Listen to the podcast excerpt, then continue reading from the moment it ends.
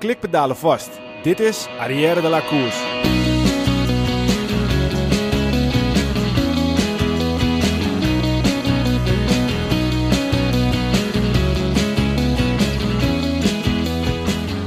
Wielrennen is fietsen van A naar B. En wie het eerste aankomt, die wint. Maar wielrennen is tegenwoordig ook big business.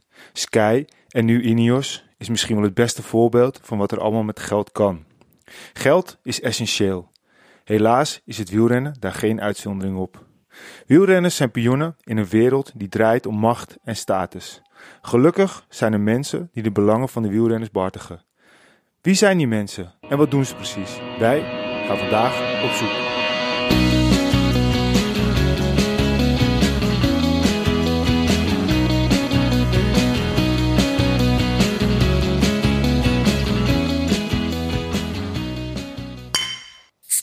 Arrière de la Course wordt mede mogelijk gemaakt door Koerspret. www.koerspret.nl Dames en heren, jongens en meisjes, welkom bij onze podcast over wielrennen, Arrière de la Course. De komende podcast gaat over wielrennen, besproken vanuit het oogpunt van drie wielergekken die alles volgen vanaf de bank, dicht voor de tv. Vandaag aflevering 43. Ik ben Michiel Beemster, zittende op het hoofdkantoor van uh, Sex Cycling. Uh, ik zit hier uh, weer met mijn maatjes Wilke Kenter en Peter, Peter Koning. Ja, daar zijn we weer, hè? Dus ik ben yes. op slechte locatie zitten, toch? Zeker weten, je kan het te slecht treffen. Wat dat betreft gaan we wel steeds vooruit, Wilco. Ja, we gaan er absoluut op vooruit. Maar, maar, kijken, maar misschien moet je even kort uitleggen waar we precies zitten en waar we naar kijken. Nou, ik kijk op dit moment naar shirtjes uh, met uh, namen, het zegt me niet zo heel veel. Messi, Maradona... Ik zie een of andere van... liefhebbers, hè? Die weten het allemaal niet. Nee, precies. Dat, ja, van Persie, Totti. Hele mooie poster achter mij. Van, uh, onbekende. Ja, aanvoerder van Napoli. Ja, wie zou het zijn? ja, wie zou het een hele gave plek waar we op dit moment zitten. Uitzicht op uh, de toekomst. Ja. Dus we zitten in regio Amsterdam. Ja, maar misschien moet je ook even kort uitleggen waarom we, waar we dan precies zitten. Want mensen denken nu van, uh, oké, okay, leuk al die voetbalshirts, maar uh, wat gaan we nu in één keer een voetbalpodcast luisteren? Ja. Dat hopen we niet. Ja, precies. Nee, we zitten bij SEG. Bij twee hele leuke gasten die ons hopelijk heel erg veel gave dingen gaan vertellen. En in Amsterdam, in hun kantoor. Ja, want inderdaad, uh, jij zegt gasten, want we hebben er inderdaad twee. We gaan steeds iets, uh, iets, iets vooruit. We hadden eerst altijd uh, de laatste week steeds één gast, maar nu hebben we er zelfs twee. En vandaag gaan we het ook hebben over belangrijke zaken achter het wielrennen. We hebben natuurlijk met een aantal journalisten de laatste periode gesproken. Met de wereldkampioen Annemiek van Vleuten. En vandaag ja, we, gaan we met z'n vijven mijn liefste podcast opnemen. En ik wil eigenlijk zeggen, ja, hartelijk welkom. Eigenlijk is dat raar, want we zijn bij jullie te gast. Maar Elko Martijn Berghout. Superleuk dat we hier uh, mogen zijn. Een applausje. Ja, ja, dat is best wel stil. ja, ja, Ik heb met z'n drie applausje doen. Ja, dat blijft toch gek in de podcast, hè? Dat je applaus wil, maar dat is er dan eigenlijk niet. Ja, want, want net hadden we het er zelf een beetje op, maar waar, waar zitten we precies? En, en, en uh, voor de mensen die, die echt geen idee waarschijnlijk onder de steen hebben geleefd, wat, wat is dit precies, SEC? Uh, we zijn nu in de Media Arena. Dat is uh, een gebouw uh, eigenlijk tussen de, of naast de, de arena van Ajax en de Ziggo Dome. Uh, Johan Cruijff Arena. Johan Cruijff Arena, je hebt helemaal gelijk. Net veranderd. En we kijken inderdaad uit op de toekomst, uh, het opleidingscomplex van Ajax. Um, en wij zitten, zijn hier gevestigd als Sports Entertainment Group. Een bedrijf wat, uh, wat de belangen behartigt eigenlijk van, van sporters, van artiesten, van trainers. en daarbij zijn wij, Martijn en ik, verantwoordelijk voor de cyclingtak binnen SEG. En dat betekent dat wij uh, ons dagelijks met, uh, met beroepswielrenners uh, bezighouden en met, met grote wielertalenten. En allerlei andere ja, facetten in de professionele wielersport. Lijkt mij echt een droombaan. zo, ja, dat is het ook. en natuurlijk is, is, zoals elke baan heb je leuke en minder leuke dagen. maar dit is wel ontstaan vanuit een, vanuit een passie. voor het fietsen en ook ooit eigenlijk bijna als een, ja, het is letterlijk als een schoolproject begonnen. En uh, nu zijn we ja, 15 jaar verder ongeveer. Of wat is het? Ja, 15 jaar verder. Want, want kan, kan je daar ons mee even met naar terugnemen? Hoe is dat dan precies gestart? Met, met, met jullie tweeën? Of, of? Ja, echt met ons tweeën, ja. Ja, het is eigenlijk, eigenlijk gewoon gestart omdat we... Nou, wielrennen was onze sport als, uh, als jonge jongens. Uh, zijn gaan studeren. Martijn op de Johan Cruijff University en ik op sportsmanagement ondernemen aan de ALO. En eigenlijk had ik volgens mij in het derde jaar moest ik een ondernemingsplan schrijven. En toen dacht ik van ja, waarom doe ik dat niet over iets wat, uh, wat ik heel erg gaaf vind? En dat is, uh, dat is wielrennen. Maar ja, wat ga je dan doen in het wielrennen? Wat, uh, wat bestaat er nog niet? Ehm, en een van onze eh, beste vrienden is eh, Jens Maurits. Eh, en die was op dat moment eh, vooral baanwielrenner. En zich aan het focussen op de Olympische Spelen in Athene. En we hadden vaak gesprekken met hem van... joh, jij kan zo verschrikkelijk hard fietsen. Van, eh, jij moet toch eigenlijk gewoon beroepsrenner gaan worden. Ehm, en dat, eh, dat vond hij ook, maar hij had geen idee hoe. En wij hadden eigenlijk ook geen idee. Maar we dachten wel van, eh, ja, dat moet mogelijk zijn. En misschien kunnen we wel een en ander combineren. En eigenlijk kwam dat, dat ondernemersplan en die vriend die zo verschrikkelijk hard kon fietsen, kwam samen. En toen hebben we eigenlijk eh, out of the blue zijn we, zijn we begonnen. Zo. Gaaf. En dan, dan uiteindelijk zitten we nu hier. Hoeveel jaar later?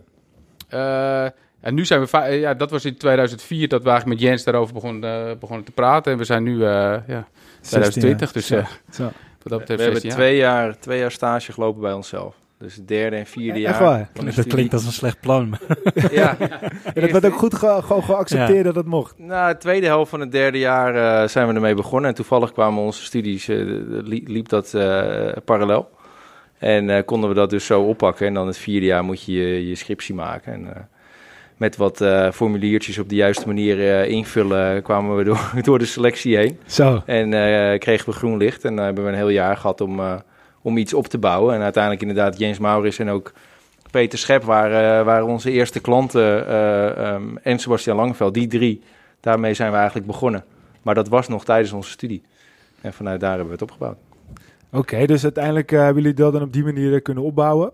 En eh, eh, hoe, hoe ging dat dan als het ware met school? Want je zei, het, het, het werd toch geaccepteerd, maar kwam ook bijvoorbeeld dan een stagebegeleider langs, die kwam bij jullie zelf op kantoor langs? Of, eh? Ja, letterlijk, ja. We hadden, ja, we hadden een paar dingetjes liepen door elkaar heen. We werkten onder andere bij de eh, Zesdaagse van eh, Amsterdam.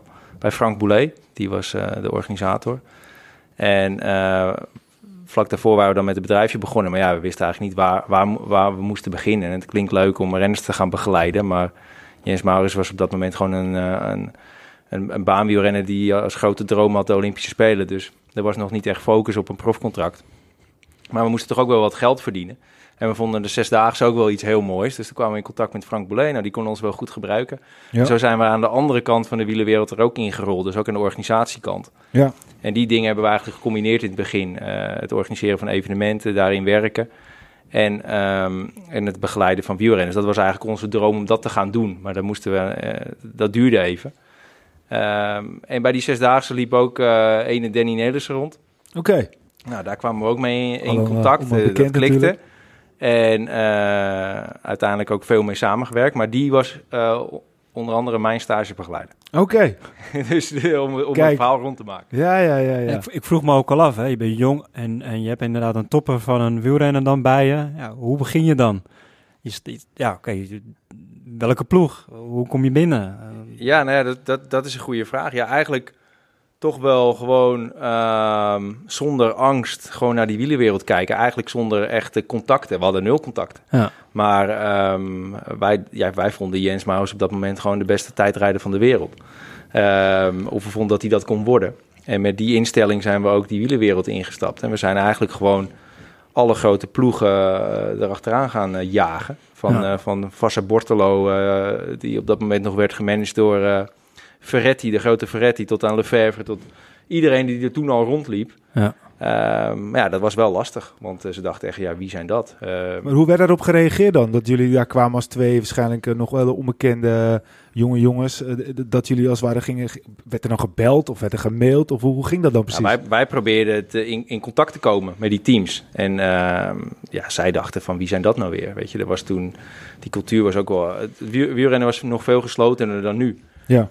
En ehm, ze zaten er ook niet echt op te wachten. En het was ook niet zo dat wij natuurlijk eh, met een gearriveerde renner aankwamen. Dus we moesten en met een onbekende renner de markt op. En ze, en ze wisten ook niet wie wij waren. Een paar, eh, een paar jonge jongens. Veel moeilijker kon je het niet maken. Nee, het was echt van, van 0,00 Ja, ja, ja. eh, hoe we zijn begonnen. Maar ja, door vol te houden en ehm eh, proberen het verschil te maken met het, het geven van informatie en, en onze neus of gezicht overal laten zien. Eh, en, dat, en dat achter elkaar blijven doen. Ja, dan op een gegeven moment krijg je wel een keer je voet tussen de deur. Maar dat was wel heel erg lastig. En, eh, en in het buitenland ging het nog wat makkelijker dan bijvoorbeeld in Nederland, waar je toen Rabobank had. Daar, daar moesten ze echt helemaal niks van ons hebben. Nee? Nee. Want, want wat, wat, wat waren dan op dat moment destijds dan de, de concurrenten? Of waren die er niet? Of deed iedereen dat dan zelf? Of... We hadden geen idee er concurrenten waren. Nee. Want voor jullie, hoe gebeurde het dan voor jullie? Ja, het Hadden de bestond spelers wel. geen, geen managers, makelaars, et cetera? Wel minder, maar het, bes- het bestond zeker wel. Eh, alleen wij hadden op dat moment ook niet echt goed eh, marktonderzoek gedaan van eh, wie onze concurrenten waren. Daar kwamen we eigenlijk gedurende het proces wel achter. Eh, maar waar we wel achter kwamen is dat er vooral voor jonge renners in Nederland eh, was er helemaal niks. En eh, de, de absolute toppers die, eh, die werden wel eh, enigszins begeleid. Of het op de juiste manier was, weet ik niet, maar ze werden wel eh, begeleid. Maar die hele onderlaag, ja, die had eigenlijk geen idee. En dat was eigenlijk ook onze, onze eigen generatie bijvoorbeeld. Kijk, wij waren eigenlijk op het moment dat we begonnen met dit werk, waren we zelf even oud als belofterenners. Eh, dus we hebben ook letterlijk wel eens meegemaakt dat we in een gesprek zaten met een team. En dat ze de eerste vraag was van, eh, oké, ik, ik zie nu drie mensen voor me, maar eh, wie, is, wie is de renner? Ja, ja, ja. Want Dat we waren is ook wel een ook- compliment dus. Ja, ja, ergens wel. Maar Ja. Ja, maar het was toen een nadeel. Ja. Ik, ik weet nog, ik was eh, twintig. eh, 20, en, en toen zat ik aan tafel met eh, Gerry van Gerwen, die toen de manager was van Milram, Ja. Om eh, over een contract te onderhandelen.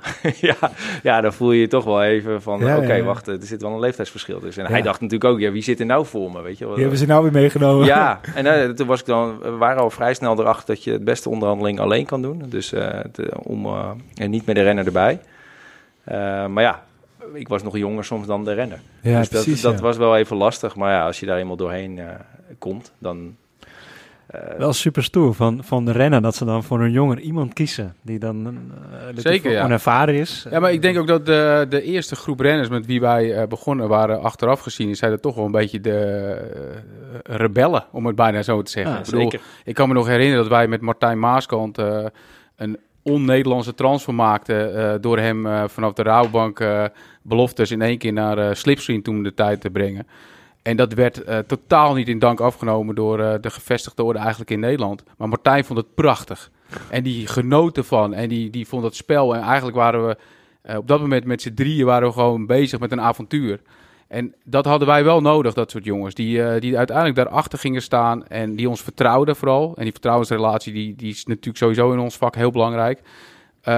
Maar zij gaven ons ook de kans. Bijvoorbeeld Sebastian Langeveld ook. Die gaf ons ook de opening naar de grotere ploegen. Omdat hij op dat moment, de tweede wedstrijd die hij reed, die won hij meteen. Eh, Pino Cerami, eh, die, die wedstrijd. En eh, daardoor wilden meerdere teams met ons praten. En werden we ook, eh, ja, moesten ze ons ook wel serieus gaan nemen. Hij vertrouwde ons omdat hij wel met... eh, ik had bijvoorbeeld met hem gefietst. En hij kende Elko ook goed. En eh, in de wielenwereld, dat weet Peter ook... Als je eenmaal eh, prof wordt of, of je wordt een betere belofte... er komen best wel veel mensen op je af die je niet kent. Ja. En, en dat was bij, eh was bij Sebas ook. Dus, dus ergens wist hij wel van... Oh, die, die, die gasten zijn even oud. Ik bedoel, we speelden iedere dinsdag bij, wijs- bij wijze van spreken... met Jens, Sebas en nog een paar gasten eh, FIFA. Ja, ja, ja, Maar, maar de rest van de week waren we de, waren we, waren we de vertegen, vertegenwoordigers. En, ehm, maar dat was ook wel op basis van vertrouwen. Maar voelt het dan ook niet een beetje zo van dat je, dat je het is lijkt me sowieso een jongensdroom, maar het voelt het ook niet een beetje zo van alsof je een, een soort spelletje championship manager speelt en dat je in één keer er zelf tussen zit. Als je altijd, het lijkt me ook dat jullie ook eh, altijd wielrennen natuurlijk gewoon eh, intensief volgden en dan sta je in één keer gewoon helemaal tussen. Of, of zijn jullie dan daarin toen al zo nuchter dat jullie dachten van ja, dit gaan we gewoon doen? Of, Nee, zeker niet. was het af en toe even van, wow, even knijpen? Is ja, ja, echt? ja. Kijk, je moet zorgen dat je... Je bent, je- bent geen fanboy op dat moment, hè, om het zo maar te zeggen. Ja. Eh, maar er zijn momenten geweest dat je dacht van... Wow, wow, wat, hè, waar ben ik? Waar sta ik? Moet je kijken wat ik nu doe. Eh, dan kreeg je een servicekoers in Italië te zien... en dan stond je met open mond naar, eh, naar al die fietsen en die shirts te kijken. Maar dan dacht je wel altijd weer van... Ja, domme, ik ben hier wel met een Zaken. taak. Ik moet nu gewoon doen waarvoor ik hier ben gekomen. En om even terug te komen op dat championship manager. Dit, eh, kijk, wij, zijn, wij hebben gefietst. En wij vonden het, spelletje fantastisch en we vinden fietsen nog steeds mooi. Maar wij vonden ook gewoon alles eromheen heel mooi. Ik bedoel, eh, we hebben bij de HC de Bataaf gereden beide. En onze trainer was Theo Smit. Een hele goede sprinter uit het verleden, ook toeretappes gewonnen. En waar de rest van de, het team altijd bezig was met aan Theo vragen hoe zij beter konden worden, waren wij aan Theo aan het vragen hoe het was om beroepsrenner te zijn geweest. En hoe het was om in de Tour tegen Merckx te sprinten en dat soort dingen. En daarnaast speelden wij eh, een computerspel eh, tot in de treuren. Dat was Sensible Soccer. Misschien dat jullie iets zeggen, maar dat was op de, op de eh, Commodore Amiga. En dat, ging, dat was een een spel waarin je transfers kon maken met Ja. voetbalspelers. En dat, dat vonden we het mooiste wat er was. Die Ja. transfers maken en die spelers beter maken. En dan kijken hoe, hoe je verder kon komen daarmee. Gaaf. Dus de En- championship manager lag best wel in het verlengde. Ja, ja, zeker. Ja, ja. dat Dus is dat wel klopt gek. wel. Ja. Dus uiteindelijk heeft dat er ergens dat allemaal bij elkaar. Dus en die wielersport en dat championship manager. eh, dat is eigenlijk je hedendaagse job eh, mede. Ja. Dus opties creëren, Ja, ja. kansen zien en eh, die proberen voor elkaar te krijgen. En, en jullie begonnen met Morris. Ehm, hoe, ging dat dan, hoe ging dat dan verder? Want op een gegeven moment werd hij dus geplaatst bij, bij een team, neem ik aan natuurlijk. Eh, en, en dat werd opgemerkt. Die, kwamen dan die renners, eh, eh, de volgende renners, kwamen die dan vanzelf naar jullie toe? Of werden, werden die benaderd? Ehm, nou, dat kwam ook wel vanzelf. Maar dat waren dan niet direct de, de, de, de grootste renners. Zoals ik. Nee, dat was later. Peter. Dat is Jij, later. eh, Jouw verhaal komt zo. Jij zo, jij zo? Nee, kijk, je, je- de, onze eerste transfer was Jens van AXA naar eh Regio Strom in Duitsland. Heel klein ploegje. Maar daar waren we heel trots op. Jens zelf ook. Met z'n drie hebben we dat eh, heel groot eh, gevierd. Gevierd. Ehm, maar Jens is wel altijd eh, de rode draad geweest. Want we, we hebben er ook best lang over gedaan om hem op uh, Wilter niveau te krijgen. Waar hij gewoon hoorde. Hè? Dat weet Peter ook. eh, een fantastische renner. Ja, heel, heel toffe gozer. Ja, en, eh, maar Regiostroom, via Regiostroom is hij naar een kleine Britse ploeg gegaan. DFL, van DFL naar Mitsubishi. Van Mitsubishi naar Vakantselij, van Vakantselij naar Orica. En ja, daar heeft hij, is hij jarenlang gewaardeerd geweest. En toen nog eh, eh, een, een tussenstop via Draapak. En dan eh, bij Roompot zijn carrière afgesloten. Ja. Maar ehm, om, om terug te komen op je vraag. Ja, je- die, die eerste transfer is toch wel heel belangrijk. Want, want wij, weet je, niemand ging van AXA naar Regiostrom. Al, al wa- was AXA misschien nog wel een betere ploeg dan Regiostrom. Maar het ging gewoon om het feit dat een Nederlander naar het buitenland ging. Ja, En dat vinden dan toch best heel veel renners wel interessant. Die denken van, hé, hey, dat is misschien voor mij ook weg. eventjes. Ja, en toen kwamen er wel meerdere renners op ons af. Ehm, ehm, en, en zijn wij ook natuurlijk, je moet ook een portfolio bouwen. Ook om je netwerk te vergroten in, eh, in de, naar de ploegen toe. Hè? Want dan, als je altijd met dezelfde renners aankomt, ja, dan eh, hebben zij ook geen interesse meer. Dus Ja. daar waren we al redelijk snel achter dat we een divers portfolio moesten hebben. Met een sprinter, met een tijdrijder, met een, eh, met een klimmer. Ja, en dan kom je ook wel eens met renners tegen waar we mee hebben gewerkt die het helaas niet hebben gehaald. Maar op een gegeven moment kwamen er wel steeds betere renners naar ons toe. Klinkt als een ploeg. Wil je als ploeg succesvol zijn, dan meer sprinter hebben, je moet een klimmer hebben, klassieke renner hebben.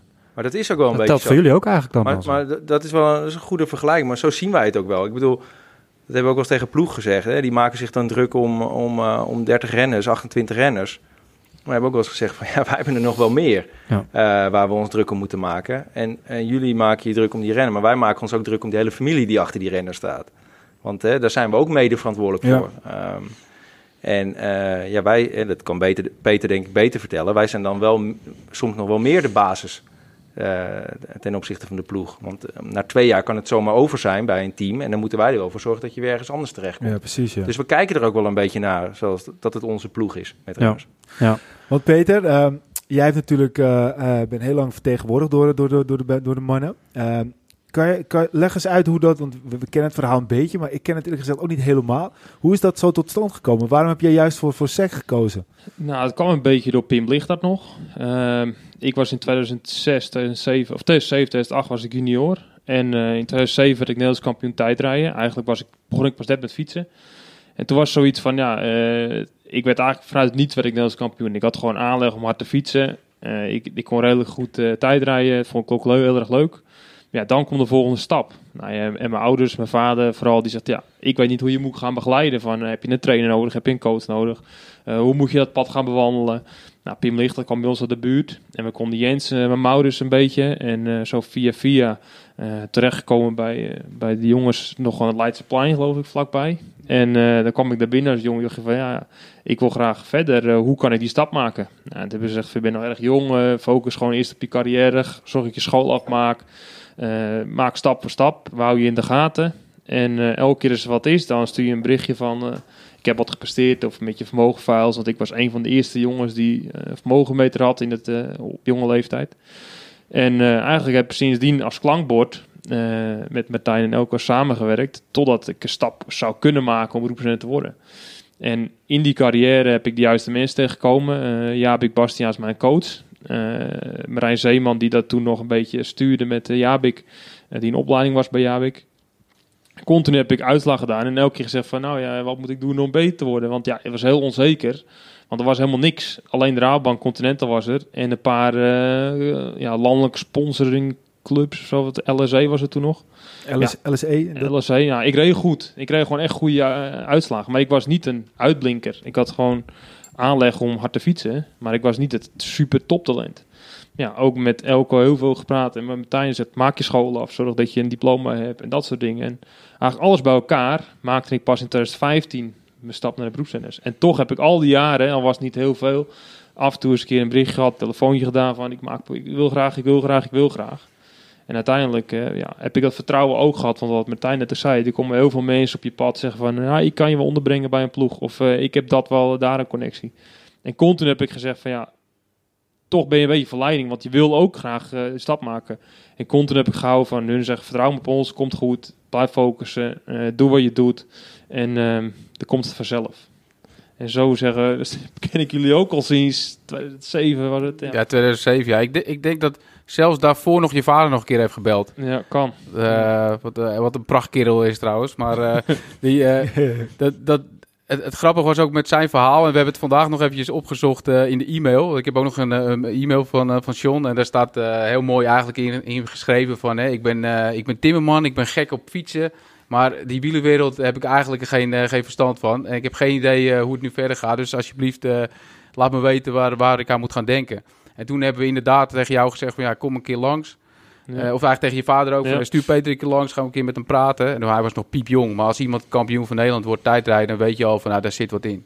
En maar we hadden ook een zwak voor hem, want onze vader is ook timmerman. Ja, nee, zeker. Toen Ja. dachten we van, ja, die, die, die moeten we... Het moet zo mee zijn. doen. Ja, dat sowieso. Maar dat, dat vond ik het mooie ja. van het verhaal ook van John inderdaad. Dat hij ook zei van, nee, ik ben timmerman, ik, ik wil het allemaal voor elkaar krijgen. Maar eh, ja, mijn vak is eh, timmeren en eh, Ja. dat, is, eh, dat is van jullie. Dus uiteindelijk hebben we inderdaad contact gehouden met Peter. En door de jaren heen, je zag gewoon dat het een, een berensterke renner was. Maar dat hij natuurlijk eh, het niet heel makkelijk uitslagen rijdt. Eh, maar vooral op het moment, eigenlijk je, je twee titels. Dus Ja. die bij de junioren, bij de belofte. En die tweede plaats in, eh, in Olympia's Tour, achter Dylan van Balen. Dat waren wel echt van die, van die eikpunten dat je zegt van ja, daar, daar zit echt wat in. En dan weten we van ja, nu moeten we dat, dat marseltje hebben, dat we geluk hebben, dat we, dat we op het juiste moment de juiste positie zien en dat we daarop kunnen inspelen. En eigenlijk was het eh, het jaar voordat jij bij Drapel kwam, eh Ja. reed Wouter Wipper daar. Eh, die hebben we daar naartoe gebracht, om eigenlijk bijna in dezelfde soort positie, eh, want, want die was ook een beetje op een zijspoor beland, terwijl het echt een groot talent was. Vertrouwen gekregen van die ploeg, die kon daar gaan rijden, die deed het echt verschrikkelijk goed. En het jaar erop hebben we gezegd van ja, oké, als je Wouter nog beter wil hebben, dan moet je er een hele sterke man bij zetten. En eh, wij denken dat dat Peter Koning is. Nou, Ja, het, is, het is ook een puzzel, hè? Dus het is ieder, nu nog, en dat was toen ook zo. eh, ieder jaar kijken wij naar die wielenwereld als een puzzel. Van oké, weet je, als we dit puzzelstukje daar leggen... en dan moeten we die misschien verschuiven en dan komt er daar weer plek. Eh, want ik weet nog dat het jaar daarvoor ehm, was je ook al heel dichtbij een plek bij het Champion System. Ehm, Omdat wij toen ook al dachten van...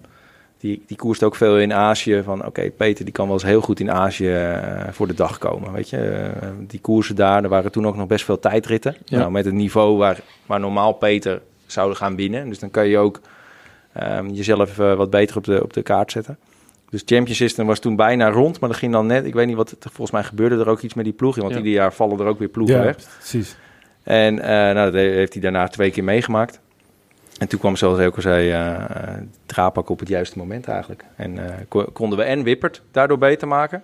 En Peter zelf eindelijk in dat profpeloton. Want wij waren er wel van overtuigd, als hij er eenmaal tussen zit... eh, eh, met zijn rol en zijn eh, kwaliteiten... maar ook eh, zowel op de fiets als naast de fiets... gaat hij er ook wel blijven. Dit is geen renner die je, eh, die je wegstuurt uit je groep. En Peter heeft eigenlijk gewoon twee keer pech gehad met de ploeg. Ja. En dat is ook, dat is ook eh, het wielrennen. Dat je Ja. net juist op, op het verkeerde moment bij een ploeg kan zitten. ja. Dat was bijvoorbeeld- ook, ook een stukje vertrouwen wat hun gaven. Was dat je bent echt goed genoeg om procent te worden. Alleen je moet juist de plek vinden om dat te, te vinden. En wat me heel erg motiveerde altijd was dat ze zeiden van... Waarschijnlijk ga je het beter doen bij de beroepsrenners dan bij de continentalrenners. En vooral de wedstrijden worden zwaarder. Ik kon altijd echt... Ik was misschien wel een van die 150 renners die in het, in het even hard reden. Maar als het heel zwaar werd, kwam ik altijd erboven. Dan was het echt een zware ritten. Dan was ik net even beter dan de rest. En misschien was de rest was niet beter, maar de rest was wat minder. En toen zei Martijn ook, zorg dat je blijft trainen, focussen. Want bij de beroepszenders gaat het harder, structureel harder. En dan kom je veel beter bovendrijven. En dan kan je het verschil gaan maken. En dat heeft altijd in mijn hoofd gezeten, vier, vijf jaar lang, om, om toch wel daarvoor te gaan. Maar Wacht, zijn jullie ook eh, zeg maar eh, de, aangewezen personen om dan bijvoorbeeld tegen Peter te zeggen, eh, Peter die kan bijvoorbeeld heel erg in zijn hoofd hebben, nou, ik, ik word wereldkampioen tijdrijden. Daar ga ik me op focussen. Maar dat jullie bijvoorbeeld zeggen, nou weet je, als je alleen tijd wil rijden, moet je niet bij ons zijn, want dan ga je geen ploeg vinden.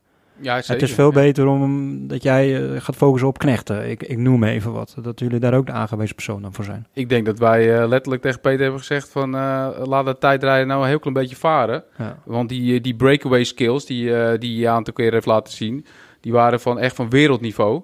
Hij kon in een vlucht zitten waarvan ze van tevoren dachten, nou dit wordt helemaal niks. En aan het einde van de rit konden ze hem niet meer terugpakken. Ja.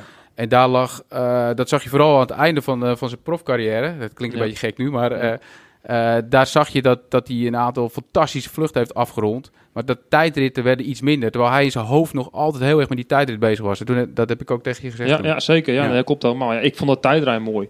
En ik wist gewoon dat ik daar eh, op een makkelijke manier uitslagen kon rijden. En dat is ja, achteraf gezien dat ik het misschien eerder moeten luisteren. Maar ik denk ook dat het me dat wel een stukje sterker gemaakt heeft. Want juist ook die vermogens over een uur heb me in die lange vluchten van 40 kilometer eh, toch wel ook winsten behaald. Ja, Cummings, hè, eh, Ja. vergeleken Peter altijd een beetje met eh, Steve Cummings, wat natuurlijk een fantastische renner is. Ja. Maar ook om hem te spiegelen van, kijk, zo'n Ja. renner kan jij ook worden, Ja. denken wij. Gewoon zo'n renner die, die in, een, eh, in een kopgroep zit, maar dan de kopgroep nog een keer kan aanvallen. Ja, weet je precies. wel? En ja. dat, dan, dus, wat- je moet er eerst zitten, maar dan, dan is het een hele vervelende renner om erbij te hebben. Want hij valt net op het juiste moment aan. Nou, de Tour de San Luis is natuurlijk het voorbeeld daarvan. Ja. En dat vond ik wel echt... Die koers vond ik geweldig. Ik bedoel, eh, volgens mij zag ik het pas toen ik wakker werd. Omdat er natuurlijk, ik lag te slapen toen daar werd gekoerst. En dan zie je dat Peter Koning daar heeft gewonnen en Ja. het geel heeft gepakt. Ja, dat was echt, eh, echt fantastisch. Ja, dat is ook een beetje een kantelpunt geweest. Een beetje, een gegeven moment dan krijg je een beetje een naam. Oh, als die wegrijdt, dan moeten we er gelijk achteraan. En ik weet nog goed dat eh Nicky stuurde voor mij een berichtje. Er was een zware valpartij geweest met Mallory, geloof ik. Toen die heel hard, eh, was het asfalt Ja, klopt, kapot. En toen heb ik nog contact gehad met Nicky voor, eh, voor wat, wat rechtszaken. Want de, de ploegarts die wou graag weten wat er gebeurd was. En toen had hij gezegd van ja, als ik erbij was geweest, was het niet gebeurd. Weet ik wel, zoiets als grappie van eh, ja, Ja, ja, ja. ik wist dat je hard kon fietsen. En Ja, en sindsdien houden al die jongens jou ook een beetje meer in de gaten. Want, want, want dus misschien komen we er zo ook nog even op. Maar zoals Peter heeft nu twee keer, doordat er een ploeg stopt, of dat er een ploeg samengaat, of dat er in één keer, nou, in Blue Sport natuurlijk helemaal een bizarre situatie, eh, lijkt een topploeg te worden en in één keer is er helemaal niks meer. Is, is Peter dan echt een, een, een- het perfecte voorbeeld op de negatieve manier van de dupe van hoe de wielersport nu in elkaar zit? Ja, zeker, zeker. Ik, ik weet nog hoe het ging. Eh, ik was in de ronde van Zwitserland en eh, daar had ik een gesprek met eh, de performance manager van de ploeg, maar die ging toen ook over eh, recruitment, dus zeg maar tekenen, het bijtekenen. En ehm, voor de rit had ik daar een gesprek mee en ja, Peter die, die gaan we sowieso houden, twee jaar erbij. En, en we waren in gesprek over de voorwaarden en toen zag ik Peter, want het was voor de rit. Ja, ja. Dus even snel hem aangeschoten van hey, het gaat de goede kant op, weet je. De, ik vind ook dat renners dat moeten weten, want Ja. dat, dat, goed voor de moraal en gewoon weten waar je, waar je het allemaal voor doet. Maar ja, echt letterlijk een week later was dat hele gesprek niks waard. Ja. En, ehm, en ja, wij zijn wel door, eh, door, door al die jaren zijn we wel, hebben we wel een soort van zintuigen ontwikkeld voor projecten die niet helemaal kloppen. Of waar het, eh, waar het fout gaat. Had je Maar- hadden jullie hier ook dat gevoel? nou, kijk, op het moment dat, dat je ziet dat er eh, ehm, de beslissingsmakers weglopen voor, het, eh, voor, de, voor hun verantwoordelijkheden. En je ziet dat een, een, eh, eh, een eigenaar, een, een team-owner ook een beetje raar gedrag vertoont. Wat in dit geval ook Ja. zo was met de Rick Delaney. Ja. En we wisten natuurlijk ook het hele project rondom Aqua Blue. Hè, een webshop, die moest op, genoeg geld gaan opbrengen om die ploeg dan zelf te gaan dragen. Het was best wel een groot plan. Ja. Ehm, maar ja, ze hadden ook, ze hadden ook grote plannen. Hè? Ja, ze wilden grote geld, renners ja. tekenen en, en ze wilden echt doorstoten. En, en, maar ja, toen naar Zwitserland, eh, eh, na dat gesprek en eh, het feit dat ze niks wilden bevestigen, ja, dan voel je wel nattigheid. Ja, precies, En, ja. en, en dat Aqua Blue ja, is zo raar gegaan. We hebben hier op kantoor nog eh, eh, Nick Nuyens gehad. En eh, die eh, volgens mij... eh, Lee Bryant voor mij. ja, nee, die Belgische vertegenwoordiger van Oh, ja. Aqua Blue op dat moment. Tom.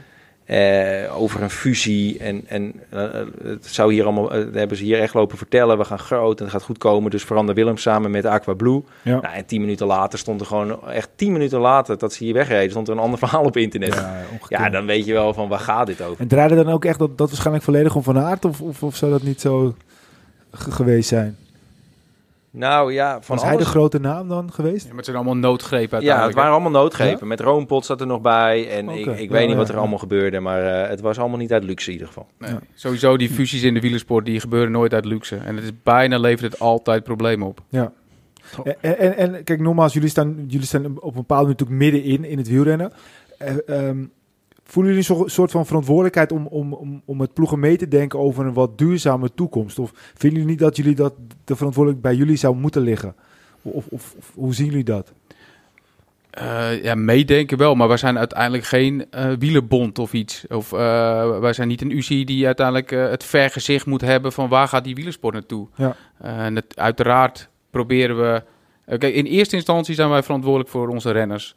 Eh, daarnaast is het in ons, ook in ons belang dat die ploegen zo goed mogelijk functioneren en ook eh, blijven bestaan. En het is ook zo dat van al die ploegen, het is maar een heel klein eh, competitie. Ik bedoel, het is te vergelijken, ons werkveld is net zo groot als de Eredivisie in, in Nederland. Ja. Ehm, en dan heb ik het vooral voor de top, hè, dus de World Tour. Dus daar, daar moet je het ook mee doen. Dus dat betekent dat we, het is hard tegen hard, maar op 1 januari beginnen we weer met z'n allen weer opnieuw. Ehm, en dat, dat, dat meedenken over een, een, een, structurele, eh, stabielere situatie zeg maar, in de wielersport, ja, daar denken we continu over, eh, over, over mee. Of, en natuurlijk hebben we daar ook wel over, maar toch zijn we wel in de wielersport ook wel weer goed in om heel erg met de waan van de dag bezig te Ja, zijn. precies. Wij hebben natuurlijk ook al heel veel ploegen zien komen en gaan. Ja, En, en, en heel veel managers van die teams, die waren ook even van plan de wielersport te gaan veranderen. en die, eh, die wilden alles veranderen, van, van cao's tot eh, structuren. En, en, maar uiteindelijk zie je toch dat het heel grillig is. ja. En als je sponsor stopt en er komt geen nieuwe sponsor, ja, dan is die hele structuur en al die grote plannen zijn dan ook gewoon weg. Maar hoe zou dat dan bijvoorbeeld zijn? Want jullie gaven het net ook aan van eh, soms heb je een soort van onderbuikgevoel met bepaalde rennen, met bepaalde teams. Ehm, is het dan ook zo als bijvoorbeeld een, het ene team biedt net iets meer voor een renner dan het andere team? Alleen eh, bij dat ene team heb je wel een gevoel van oké, dit is echt niet duurzaam. Zeg je dat dan ook tegen een renner? Of, of, Zeker, zeker weten. Maar uiteindelijk is ons eh, doel, ehm, en dat lukt dus niet altijd, hè, de, de, man die hier aan tafel zit kan erover meepraten, maar om een renner een carrière van 12 tot 15 jaar te geven. Eh, en, dat, en dat is afhankelijk van heel veel factoren. Dat moet je uit- in de eerste plaats komt dat door de renner zelf. Hè. Ben je in staat om op dat niveau te blijven acteren, maar ook om een bepaalde rol te hebben binnen die wielerwereld die eh, zijn waarde eh, behoudt. Want aan de onderkant komen er natuurlijk ieder jaar nieuwe talenten. Ehm, eh, komen daarbij en ja, dat zorgt ervoor dat jouw positie moet je wel eh, behouden als renner. Maar daarnaast is ook eh, het kiezen voor teams is daar ook een hele belangrijke factor in. Dus je kan bijvoorbeeld inderdaad voor, je kan voor het verkeerde team kiezen, omdat je misschien iets meer geld kan verdienen. Ja. Maar daar zijn, er, zijn wij er wel om je te adviseren om de juiste stap in je carrière te maken. Lukt niet altijd, hè? Want ook wij komen er wel eens achter, gezamenlijk met de renner, van nou, dit was toch niet de meest gelukkige stap. ja.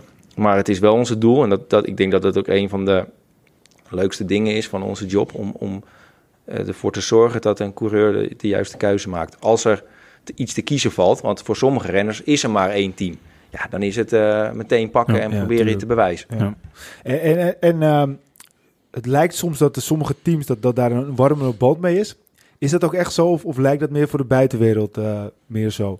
Dat, dat, er, dat er soms wat jongens bijvoorbeeld naar een meer sneller naar een bepaald team gaan? Of, of is, dat, is dat puur toeval? Ja, je bedoelt als er bijvoorbeeld in het voetbal zijn bepaalde makelaars die zijn eh, eh, dik Ja. met bepaalde clubs. En dat dat in het wielrennen ook zo zou Ja. zijn. Uiteindelijk heb je persoonlijke relaties. Ehm, dus natuurlijk heb je bij de ene een betere relatie dan bij de ander. Maar als je, als je kijkt naar de renners die wij vertegenwoordigen, dan eh, is het wel erg verdeeld over de, de hele World Tour. Eh, en ligt er misschien iets meer voorkeur bij de, de Nederlandstalige en de Anglo-Saxische teams. eh, dan bijvoorbeeld de Franse teams. Maar dat is misschien eerder een, eh, omdat wij nou eenmaal geen Franse renners vertegenwoordigen.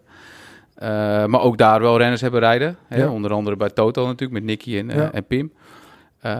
Maar weet je, je, er zijn soms gewoon wat golfbewegingen, eh, ook in het wielrennen. De, de, de ene jaar heeft een team meer plaatsen of, of hebben ze ja, zoeken ze bepaalde types die wij ook vertegenwoordigen. Uh, maar als je bijvoorbeeld naar onze zeg, Racing Academy kijkt, er zijn op dit moment daarvan de meeste renners die daarvan zijn doorgestroomd, die rijden of bij Mitchelton of bij Sunweb of bij, bij Jumbo, denk ik. Een beetje dat, maar, maar er is er ook eentje naar Sky gegaan en er is er ook een naar Bahrein gegaan. Ja. dus uiteindelijk is, is het heel breed.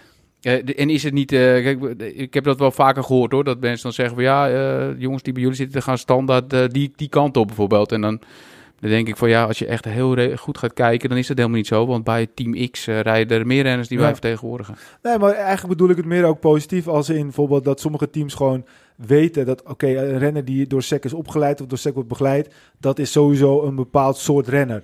Dus die, die willen we misschien net even eerder hebben dan een, dan een ik ben niet zo heel goed in, ik weet niet eens wat alle andere, ik ken, ik ken jullie als makelaar of minstens als sport ja. uh, uh, zaakwaarnemers, maar ik zou niet eens weten, uh, noem eens drie andere, nou dan kom ik niet zo ver denk ik. Maar, maar het kan me, ik zou me kunnen voorstellen dat sommige teams zeggen, oké, okay, als je bij die zaakwaarnemer zit, ja, dan heb je bijvoorbeeld al geen kans. Dat klopt, ja. Dat, Daar doen we heel erg ons best voor, hè, om dat juist voor elkaar ja, te krijgen. En dat, je hebt helemaal gelijk. Door die, in die 15 jaar dat we dit werk doen, is het uh, begonnen zoals Martijn in het begin uh, schetste, dat, uh, dat niemand ons kende. En nou, alle teams weten wie we zijn en wat we vertegenwoordigen en welke waarden. En ze weten ook op wat voor manier wij uiteindelijk werken. Ja. En dat, dat werpt nu zijn vruchten af. Dat, het is ondertussen kan jij kan er geen drie noemen, maar ik kan je vertellen, als je gaat op de UC-website kijken naar de agents, heel veel zijn, ja. er is gigantisch veel agents zijn er. En die teams die worden letterlijk helemaal gek. Ja. Uh, die worden namelijk, er zijn heel veel renners die uh, niet eens profwaardig zijn, die ook vertegenwoordigd worden en die ook gepusht worden en ja, ook gemaild en gebeld en noem maar op bij die teammanagers. Dus uiteindelijk heb je nu een bevoorrechte positie als, als zegzijnde. En daar hebben we hard voor gewerkt, maar daar zijn we nu. En zo hebben we ook onze academy ingericht. Dat uiteindelijk een team weet, als ik een renner van de academy uh, een contract geef, dan is die renner op een bepaalde manier opgeleid. Hij is uh, volgens bepaalde waarden. Uh, ons, ons programma is samengesteld in samenspraak met World Tour teams. Dus ze weten gewoon uiteindelijk wat voor soort renners ze een contract geven. En dat is ook altijd ons, ons doel geweest. Ja. En, en is het dan bijvoorbeeld ook zo dat, dat, dat, dat, dat jullie opleidingsteam ook natuurlijk, het is ook een bepaalde manier om, om renners te binden, neem ik aan natuurlijk. Maar is dat in jullie ogen ook echt de gouden zet geweest richting de toekomst en ook om te, te waarborgen? Ja, het is vooral een hele uh, nobele set geweest, denk ik. Want ja? uh, als ik kijk uh, wat wij, wij ieder jaar meesponsoren aan dat, aan dat hele programma, dan, dan is dat echt wel heel veel geld. Dus ik, het, is, het geeft ons heel veel voldoening. Uh, en ik denk dat we iets heel moois hebben neergezet ermee. Uh, en uiteindelijk zie je nu, na, na vijf jaar of zes jaar, nu zitten we in het zesde jaar van, van, die, van het team, dat het hele mooie beroepsrenners heeft opgebracht. Die ook op, op het allerhoogste niveau meedoen voor overwinningen. dus het begint zeker zijn vruchten af te werpen. En als agency zijnde beginnen we daar ook ons voordeel van te hebben. Maar het heeft ook een hele hoge investering gevraagd van ons. Ja. Ja, nee, dat, dat, dat, begrijp ik, ik ook natuurlijk. ik wil even één keer nog teruggaan naar dat stukje van de UC. Hebben jullie als vraag gehad vanuit een overkoepelende organisatie van uh, hoe zouden jullie het zien om het beter te maken? Hmm. Dus van een UC uit, maar we weten vorige keer uitgebreid over gehad dat het ja. een log-organisatie is. Kwam met de conclusie dat... Uh, ja, iedereen weet ondertussen wel een klein beetje dat het uh, niet de beste structuur is. Nou, lijkt mij van, nou ga ik er in gesprek met de mensen die, die ja, kijk, op zich, het, weet je, er is ook heel veel verloop qua mensen. Dus we hebben wel eens een goede connectie gehad met iemand die op dat moment uh, in de World Tour uh, verantwoordelijk was voor de, voor de World Tour. Um, maar ja, het is echt een, een, politiek verhaal. Ik heb er wel eens een paar maanden rondgelopen in Ergelen. Het is gewoon een, de, de, de, de sfeer. Het is een heel aparte bond. Ik bedoel, in het weekend is er niemand. Nou, dat, dat vind ik al onbegrijpelijk. Voor een sport die dan wereldwijd in het weekend wordt. Uh, mag je zeggen, ja. Dus je kan niemand bereiken. Dus de betrokkenheid is niet heel erg groot. Uh, we hebben ons uh, Academy plan gepresenteerd in Egle aan het World Cycling, de Academy. Ze hebben daar ook een team, zeg maar. Daar wilden we een samenwerking mee oprichten, zodat ook renners uit niet-traditionele wielerlanden uh, eerst bij de UC een opleiding konden genieten en dan misschien als ze goed genoeg waren bij ons de volgende stap konden zetten. Nou, we zijn echt met pek en veren zijn we naar buiten uh, gejaagd, zeg maar. Um, want ze vonden ons uh, verschrikkelijk, wat we, het plan wat we hadden. Dus ja, het is niet echt een basis om, eh, om samen te werken. Tuurlijk hebben we gewoon, we zijn in, eh, met de ploeg, we zijn in eh UCI Continental Team, dus we hebben gewoon contact als ploeg. Ja. Eh, we zijn eh, gecertificeerd, eh, zijn alle onze agenten. Ehm, maar verder dan dat gaat de relatie niet echt. Kijk, ik heb dan meer gevoel bij Velon bijvoorbeeld. Ehm, bij wat de ploegen, ploegen doen. Ja. Maar ook dat is een, ehm, een hele lastige eh, organisatie. Omdat er de belangen niet allemaal op, dezelfde, op hetzelfde niveau zitten. Dus, dus op dit moment zie ik niet echt zo snel een organisatie in het hele wielerlandschap waarmee je echt eh, constructief eh, het gesprek aan kan gaan om dingen te verbeteren. Dat is toch jammer, hè? Want we hadden vorige keer met thuis natuurlijk over Toen kwamen kwamen we er ook niet uit, hè? een soort van eh, NBA. Ja, daar zijn we natuurlijk op zoek om eh, het gewoon de richting op te gaan. Maar ja, dat is gewoon heel moeilijk. Nou, Jonathan Fortes heeft wel eens een keer een heel mooi plan geschreven daarover om een soort franchise van te maken. Alleen dat is dat is dan? ook wel heel Amerikaans, weet je. En dan kom je ook met het hele Europese recht, kom je, gaat dat gewoon niet, eh, eh, niet werken. Eh, en, en, en zo de ASO en, en ook de UCI zal daar ook nooit achter gaan staan. Maar heb je er dus zelf een idee over van hoe het zou kunnen zijn? Of is het gewoon heel moeilijk om dat te beoordelen? Nou, ik moet zeggen, wij, wij waren ook, ja, of wij zijn kritisch op, op hoe het sponsormodel en het model van de ploegen. Het is natuurlijk gewoon heel erg eh, fragiel allemaal. Maar op dit moment, als ik kijk naar de problemen eh, in, in, in de hele wereld door corona, is het misschien onze redding als sport. Want eh, de kostenstructuren zijn wel eh, overzichtelijk. Natuurlijk kan je wegvallen als ploeg op het moment dat jouw sponsor echt een heel groot probleem heeft eh, door corona. Maar we hebben niet te maken met recettes of eh, stadionhuur of eh, tv-inkomsten. Ja. Waardoor eh, die, dat platte sponsormodel op dit moment er wel voor zorgt dat we met die wielersport door die corona heen komen. Ja. Zonder al te grote schade. Ehm, maar ja, dat het anders zou moeten en een ander businessmodel wenselijk is. Ja, graag. Alleen wie heeft het antwoord? Ja. Door Brailsford heeft wel eens een, een onderzoek laten doen naar tv-gelden. door Sky. Nou, dat is wel een goede partij om dat te doen. Ja, er kwam echt eh, minimale inkomsten uit die hoek uit. Dus er wordt wel gezegd van ja, de wielersport deelt niet mee in, eh, in, in tv-gelden. Maar alle wedstrijden op Eurosport zijn gratis. Ja. Ja. Weet je, als, als, wij hebben het werelduurrecord in Mexico georganiseerd. 2015 was live in 63 landen. Tja. Nou, ik kan je vertellen, dat, eh, dat, dat, dat was vrij makkelijk om, eh, om internationaal uit te zenden. Ja, precies, ja. Dus, dus weet je, dat, dus, dat, het is best wel lastig om goed Ja. na te denken over, een, eh, over een, eh, een concept voor de wielrennerij. Maar ik denk dat iedereen moet dat wel blijven doen. Ja. Dat is wel heel belangrijk. Ja. Kijk, we hebben, de, we hebben nu de laatste keer eh, met, met Mart Smeets eh, over gesproken en ook met Thijs Sonneveld. En die gaven eigenlijk beide aan, de, de Tour de France is gewoon veel te machtig in het wielrennen. Delen jullie die mening of, of zien jullie... Want ik vind het eigenlijk wel, wel heel erg eh, grappig wat je zegt, dat juist in deze coronatijd, dat het wielrennen misschien juist wel, dat het goed is geweest dat deze structuur er op dit moment is. Maar zie jij het ook zo dat, dat of zien jullie beide zo dat de Tour echt te belangrijk is? Of is dat juist ook wel misschien wel weer goed? Op dit moment kan het onze redding zijn. Hè? Als, de, als de Tour doorgaat, eh, dat is in ieder geval wat, wat wij iedere keer wel eh, ook tegen onze renners zeggen. Eh, jongens, als de Tour doorgaat, dan, dan zijn we als wielersport komen we dan dit jaar wel door. Ja. Omdat uiteindelijk zie je gewoon dat het merendeel van de partijen die, die teams sponsoren, die zijn ingestapt voor die Tour. Omdat dat gewoon het belangrijkste is. Eh, maar het is wel waar dat, eh, dat, eh, dat zie je natuurlijk vooral bij het grote publiek, dat het eigenlijk allemaal wel om die wedstrijd draait. Ja. Dat wij de rest van het jaar met allerlei wedstrijden bezig zijn, maar dat het toch allemaal weer samenkomt op die drie weken in, in Ja. juli. En dat maakt het verdienmodel natuurlijk ook zo moeilijk. Stel, hè, wat je net aangaf, er is geen betaalzender voor het wielrennen. Kijk, het draait alleen maar om de Tour de France. En op het moment dat je een betaalzender gaat maken voor, voor de wielrenwedstrijden, denk ik ook dat er heel veel mensen gaan afhaken. Waardoor het dus weer niet rendabel is. En dat kan ook weer ten koste gaan van, van, van Ja, je ploegen, hebt enerzijds de Tour. Ik denk de Tour is natuurlijk eh, het is een super groot evenement en voor de wielersport eh, cruciaal. Maar als je kijkt, kijkt hoe kneuterig het eigenlijk is aan de kant van de teams die eh, 50.000 euro krijgen om eh, alles te organiseren. Ja. En dan ben je dus echt een hoofdrolspeler in het hele verhaal. Maar ja, Ja. dat komt weer door het sponsormodel. Ze Ja. moeten wel meedoen. Maar eh, de UCI World Tour, dat is de Champions League van het wielrennen. Dat is geen één sponsor. Ze hebben gewoon geen hoofdsponsor. Er, Ja. er is helemaal niks. Dus je hebt een Champions League zonder sponsors. Nou ja, dat gaat ook al ergens niet helemaal... eh, eh, ja, dat gaat niet goed. Hè. Als je kijkt naar het mountainbiken, de World Cup mountainbiken, Mercedes, Red Bull, allemaal grote sponsoren. Dat is natuurlijk veel overzichtelijker en kleiner. Maar hoe kan het nou dat er bij één, in dezelfde wielerbond, bij, bij de ene tak, de ene discipline, gewoon allemaal eh, grote merken zijn aangehaakt?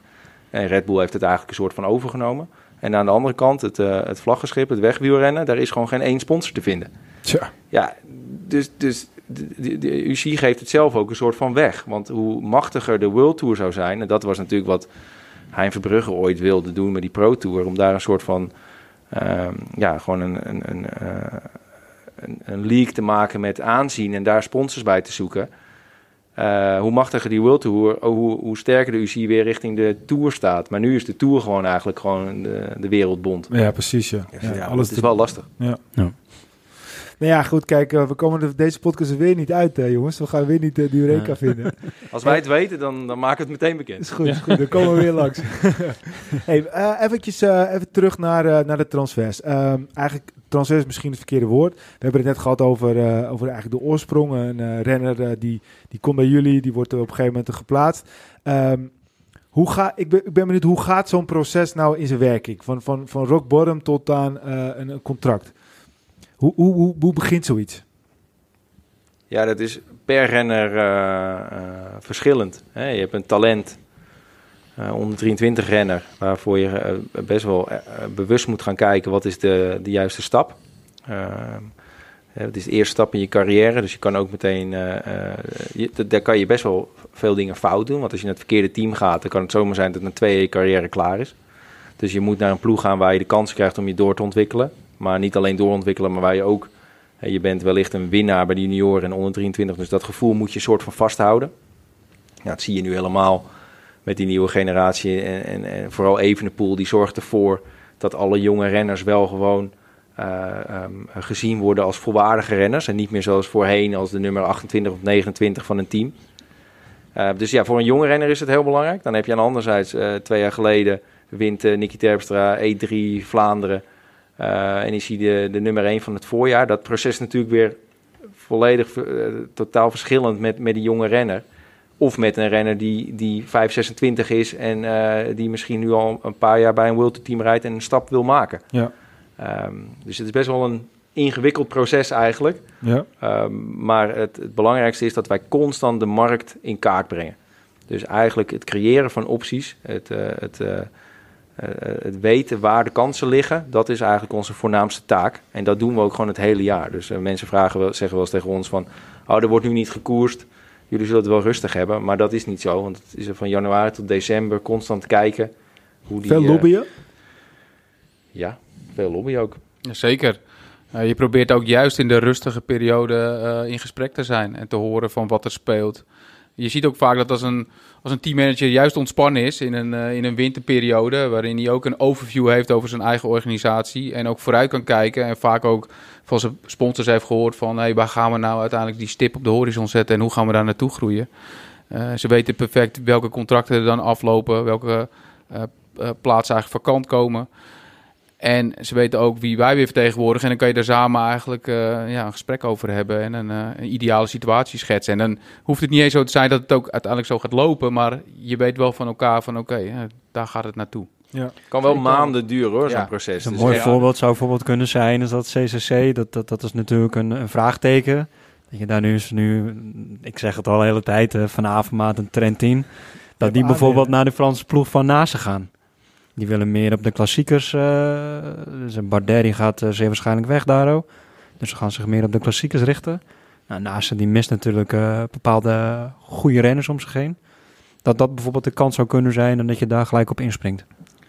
Ja, dat, dat zou kunnen. Op het moment dat Naas eh, bekend maakt dat hij drie jaar bijtekent, dan inderdaad weten wij, oké, AGDR heeft dus nu, of Naas heeft eigenlijk gekozen voor AGDR, want hij was op de markt, hij was in gesprek. Nou, het beste bod zal wellicht van zijn huidige ploeg zijn geweest. Maar dat is voor ons wel het, eh, het moment om te, dat wij weten van, oké, nu moet er support om hem heen komen. Ja. Want hij tekent niet zomaar bij voor drie Ja, jaar. ja, ja. Dus dan is het eh Lavenu, hè, de manager, van oké, heb je alles al eh, in orde of ben je nog op zoek naar een bepaalde posities? Ja, daar, daar spreek je over. Ehm, en dat is een proces dat wij kijken naar wat er gebeurt. Maar het kan ook zo zijn dat, dat een renner tegen ons zegt, een cliënt, van nou, ik zou echt heel graag bij die ploeg willen. En als wij dan denken van ja, oké, je hebt de kwaliteiten of, en die ploeg, we weten dat die ploeg daar ook wel naar op zoek is, dan, dan starten we zo'n proces. Maar dat kan wel echt heel lang duren. Ja. En dan wordt een renner ook wel zenuwachtig. Dus dan is het aan ons om die renner weer rustig te, Ja, te ja. houden. Van, nou, ook, we denken echt dat het, dat het gaat gebeuren. We gaan natuurlijk nooit gokken met een carrière. Ehm, maar eh, ja, het is wel eens een zenuwslopend eh, verhaal voor een renner. Dat kan ik me wel goed voorstellen. En ik, ik heb ben- dat wel eens positief ervaren. Dus ik heb dat zelf moeten ervaren natuurlijk. Van, eh, je zit op die positie van, ja, wat ga je doen? Wat, hoe ziet je toekomst eruit? En elke keer weten ze toch wel, ik denk dat het wel een kracht is dat het van, van elke Martijn om dan die rust aan de renners te geven van. Zorg dat je hard fietst, laat je benen spreken en wij zorgen voor de rest. En Ja. Dat is toch wel altijd een heel fijn gevoel. En dan je omgeving kan soms andere dingen zeggen van buitenaf van eh, ja, zorg dat, dat je wat krijgt of een beetje dat, dat andere kant benaderen. Terwijl ik weet dat ze hard aan de gang zijn om eh, wat te kunnen vinden. En Het gevoel dat als, als, het, als het dat hun niet lukt, dan lukt het niemand. Dat, dat gevoel dat gevoel had ik echt, ja. Ja. En Ja. hun uiteindelijk hebben mij gezorgd dat ik beroepsrenner werd. En dat is hetzelfde van, nou, ze moeten de volgende stap zoeken. Ik had echt 100% vertrouwen dat het ging lukken. Ja. En ik denk dat je als renner, vooral ook de positie waar ik in zat, dat je dat ook moet hebben in iemand eh, dat toe moet kunnen vertrouwen. Als ik zo jou- jouw verhaal zo hoor, Peter, streven jullie er ook naar om, om voor het complete pakket eh, te gaan? Als je bijvoorbeeld Louis van Gaal neemt, die zei altijd, ik heb eh, voetballers die ik training geef, maar ik wil alles van ze weten. Dus ik wil de thuissituatie, ik wil hun privé-situatie, hoe ze in een koppie, hoe ze voetballen. Alles eh, was hij met hun aan het bespreken. Zij wilde ook echt alles weten. Hij ging op de koffie bij vader en moeder. Puur om, om het vertrouwen en, en ja, gewoon dat je weet wat er speelt bij zo'n jongen. Streven jullie daar ook naar? Het is wel heel belangrijk, want een, eh, wij weten dat in, in de wielrennerij wordt een mening heel snel gevormd. Dus een ploeg die kan echt eh, afhaken op een renner, eh, bij wijze van spreken op de manier hoe hij uit de bus komt. Vader, die is niet professioneel, weet je want ja, hij loopt mank, bij wijze van spreken. maar dat komt omdat, hij, omdat er iets is gebeurd in zijn thuissituatie. Dat is Ja. misschien een raar voorbeeld, maar... ehm, eh, Ja, dat is wel raar. eh. wij moeten wel alles weten om inderdaad het beeld te kunnen schetsen naar teams waarom een renner niet presteert. Of eh, waarom, hè, jullie hebben, we hebben gesproken over Peter Koning, maar we zien dat hij nu al vier keer eh, DNF achter zijn naam heeft. Wat is er gebeurd? Nou ja, dan moet je wel schetsen wat er aan de hand is. Ja. Dus inderdaad moet je alles weten. Ja. Ehm, en en wij hebben, we werken nu met, met meerdere agenten hier. Hè. We hebben veel collega's, dus we, houden, we hebben ook een goed systeem ontwikkeld om elkaar op de hoogte te houden. We kunnen dat niet meer met z'n tweeën alleen. Want dan kunnen we ook niet garanderen dat een renner op de juiste manier wordt vertegenwoordigd. Maar ehm, helemaal waar wat je zegt. We moeten alles weten. Kijk, eh, Ja. ik hoef niet eh, constant bij iemand thuis te zitten. Eh, uiteindelijk is het, eh, gaat het erom, wat Peter zegt, dat je gewoon ervan op aan kan ook. Dat jouw atleet met wie je Precies. werkt het ook doet wat hij moet doen. Ja. Maar hij moet er ook van op aan, op aan kunnen dat wij hem zo goed mogelijk vertegenwoordigen. Ja, een mooi voorbeeld wel in is toen ik eh, in 2012 werd ik Nederlands kampioen tijdrijden. Nou, toen had ik natuurlijk al een aantal jaar contact met ze. En dan gelijk kreeg ik een e-mailtje van Elko, geloof ik, van uh, top, goed gedaan. eh, zorg dat eh, de data is. eh, we gaan proberen eh, dit te verspreiden bij de teams. Nou, en dan hier en daar dan gooien ze dat neer. En voor hetzelfde geld hadden ze toen gezegd van, oh, Nederlands kampioen tijdrijden, eh, we kunnen een keer testen. Of we kunnen dat soort dingen doen. Ja. En dat geeft ook weer als renner zijn de vertrouwen van, ah, ze zijn wel echt erg mee bezig. Terwijl het misschien dat zaadje pas net geplant is en er hoeft niks uit, uit voor te Nee. komen. Ja, we En proberen dan, wel eh, altijd een stap voor te zijn. Ja. Dat klopt. En dat is precies wat Martijn net zegt. Van, eh, doordat ons bedrijf ook is gegroeid, eh, hebben we een aantal hele goede jongens erbij ge- bijgenomen nu, die ook als agent werken. Eh, en die ook, ook juist op die begeleiding heel erg zitten. Dus dat, en dat proberen we, die kwaliteit, die moet je gewoon behouden. En wat je, in, wat je ook wel eens hoort, is dat er, eh, dat er, eh, dat er eenlingen zijn die ditzelfde werk doen. En dat, dat is prima. Maar die dan te veel renners vertegenwoordigen, waardoor ze niet meer eh, de kwaliteit kunnen leveren. Ja. En dat vinden we heel belangrijk om dat wel te behouden. Dat is ook wel de vraag wat ik veel mensen bij kwamen. Zegt, ja, dan zit je bij SEG. Je bent een renner die eh, moet knechten, heb ik heel vaak gehoord. Dan zeg je van, ja, maar we hebben al zoveel renners. Waarom zit je daar dan? Ik zeg, ja, maar dat gevoel is vertrouwd. Het is goed. Ik vertrouw ze 100% in blindelings. En dat is soms wel eens moeilijk uit te leggen aan de buitenwereld ook. Maar juist omdat ik weet wat erachter zit, is dat vertrouwen gewoon goed. Ja, het is zelfs een voordeel, hè? meerdere renners. Eh, ik, ik begrijp ook wel dat mensen dat vaak zeggen, maar juist daardoor ben je die gesprekspartner van alle teams. En Ja. juist daardoor kan je dat, dat schaakspel waar we het net al een paar keer over hebben gehad, eh, kan je dan spelen. Je wordt misschien steeds meer de autoriteit. Inderdaad, ja. Je kan ook. eh, Eh, je, je hebt ook wel eens posities dat, dat, dat een, eh, een team eerder misschien een renner van, van jou zal nemen dan van een andere Ja. agent. Omdat je juist die, eh, die positie sneller kan invullen, maar ook nog die andere posities een optie Ja. voor hebt. Ja. En je moet eerlijk zijn. Ik bedoel, je kan een mooi verhaal ophangen. Bijvoorbeeld tegen Peter van ja, je gaat naar Team Sky, want eh, ze hebben je nodig. Ja. Dan denkt hij ook misschien van, eh, ja, oh, echt waar? ja, dat, dat gaat natuurlijk nergens over. Nee. Dus, dus het gaat ook gewoon heel realistisch moet je met elkaar communiceren. Want dit is denk, wij denken dat je dit kan en dat deze mogelijkheden er zijn. We gaan niet de wereld eh, beloven. Want Ja. dan, eh, dat kan ook niet, want dan houdt het snel op. Nee, nee dat, dat, dat denk ik eh, ook. Dat als je op een gegeven moment mensen gaat voorliegen, dat je heel snel klaar bent. Ja, je moet, je moet gewoon echt een eerlijk verhaal. Zowel tegen teams als tegen renners. Ik zeg ook van. Ik ga, eh, als iemand vraagt, ja, weet je al wat? En, en er is niks, weet je wel. Dan zeg ik, nee, op dit moment is er gewoon nog niks. Nee. Je moet, wij- werken er keihard voor. We proberen alle opties eh, eh, te onderzoeken. Focus je vooral op je job. Eigenlijk wat Peter ook net een paar keer zegt. Want als renner zijnde is dat ook het enige wat je vaak kan doen. Hè? Gewoon goed jezelf goed verzorgen. En proberen met je sportieve doelen bezig te zijn. Ja. Hey, en wat ik wel benieuwd naar ben, eh, naar het volgende. was Dumoulin de eerste echte wielrentransfer? Eh, of, of zien jullie dit anders? Ik denk dat Wiggins hem, eh, diezelfde transfer ook al een keer heeft gemaakt. Ja? Ja. Die is ook eh, uitgekocht via als het ware. Slipstream toen naar, eh, naar Sky. En, en, en zou, want bij Wiggins is, het, is er niet veel veranderd uiteindelijk. Maar zou het na, nadat de Dumoulin van Sunweb naar eh Jumbo-Visma is gegaan... Zou, zou dit iets in beweging zetten? Zou het veranderen? Zou het ook een, een kans zijn voor teams? Of zou het allemaal blijven hoe het is? Nee, nee, dat, dat, dat komt gewoon. Kijk, een ploeg heeft, eh, als je het heel goed doet, heb je 15 miljoen eh, op 1 januari. En daar moet je het gewoon mee doen. Daar zit alles in: kosten, salarissen. Ja. Eh, en normaal gesproken heb je niks meer over aan het eind van het seizoen. Dus je hebt geen budget om een transfer te maken. Ja. En, en zo'n een tussentijdse transfer, dat kan van 1 augustus tot 15 augustus, maar dat kan alleen maar met wederzijdse toestemming. Nou, dat was bijvoorbeeld ooit met Rowan Dennis. Eh, Ja. Die zich onmogelijk had gemaakt eh, bij Garmin. En, en BMC had hem toen nodig en toen kon hij over. Toen was iedereen blij. Ehm, maar zo'n deal met eh, Dumoulin, dat, dat, dat dus een contract eerder eh, nog doorloopt, maar dan wordt afgekocht. Of op bepaalde manier een, een, een overeenkomst komt. Dat, dat, ja, ook dat komt alleen maar eh, eh, voor het moment dat iedereen daar belang bij heeft. Want het is natuurlijk niet zo geweest dat Jumbo Spekerbrink heeft opgebeld en heeft gezegd van we gaan nu voor een paar Ja, miljoen precies, Dumoulin ja. afkopen. Ja. Nee, hij moest het zelf regelen. Ja. Dus het is, het is geen voetbaltransfer. Nee. Dus het- en er, is, er is gewoon geen budget voor bij die ploegen om eh, contracten af te kopen. Maar staan die budgetten allemaal van het begin van het jaar vast? En mogen ze daar, is er een regel voor dat ze bijvoorbeeld daar niet overheen mogen gaan? Want ik kan me voorstellen dat meneer Van Eert van, van, van Jumbo op een gegeven moment heeft gezegd... Van, ik weet niet of het zo is gegaan, hoor, maar dat die gezegd... Oké, ik stel eventjes wat extra beschikbaar en we, gaan, eh, we gaan Tom gewoon eh, zorgen dat hij deze kant op komt. Nee, dat kan, dat kan, dat kan zeker. Maar dat mogen andere teams ook in Ja, principe zeker. doen. En, en wij, eh, wij eh, eh, in, in Amsterdam heb je natuurlijk een initiatief, uh, Psycho Capital. Die willen eigenlijk als vereniging eh, eh, ooit naar de Tour de France toe. Zou het dan ook op een gegeven moment denkbaar zijn dat als zo'n vereniging een, iemand, een renner opleidt, dat, dat, dat er een soort van vergoeding komt voor de clubs die die renners op gaan leiden? Of is dat, is dat, is dat niet eh, Nou, aan dat, de orde? Dat, Ja. dat is ons idee altijd al geweest, ja. Dat, speelt ook wel hoor. Eh, dat is een van de dingen waar de UCI wel mee bezig is. Eh, alleen gaat het. eh, Gaat het om, eh, om bedragen die, eh, die er tot op dit moment nog niet echt eh, toe doen. Eh, maar voor zeg Racing Academy is dat natuurlijk ook iets wat, eh, Ja, wat speelt. Want Ja. ja, wij- steken heel veel geld in, in een opleiding. eh, dat van 1 tot 4 jaar eh, duurt. Eh, en vervolgens gaan die renners naar de World Tour teams. En eh, ja, zie je daar niet altijd wat van terug.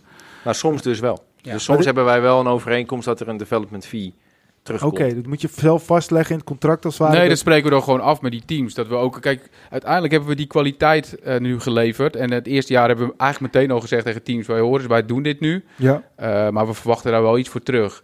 En natuurlijk moet je jezelf dan ook nog bewijzen.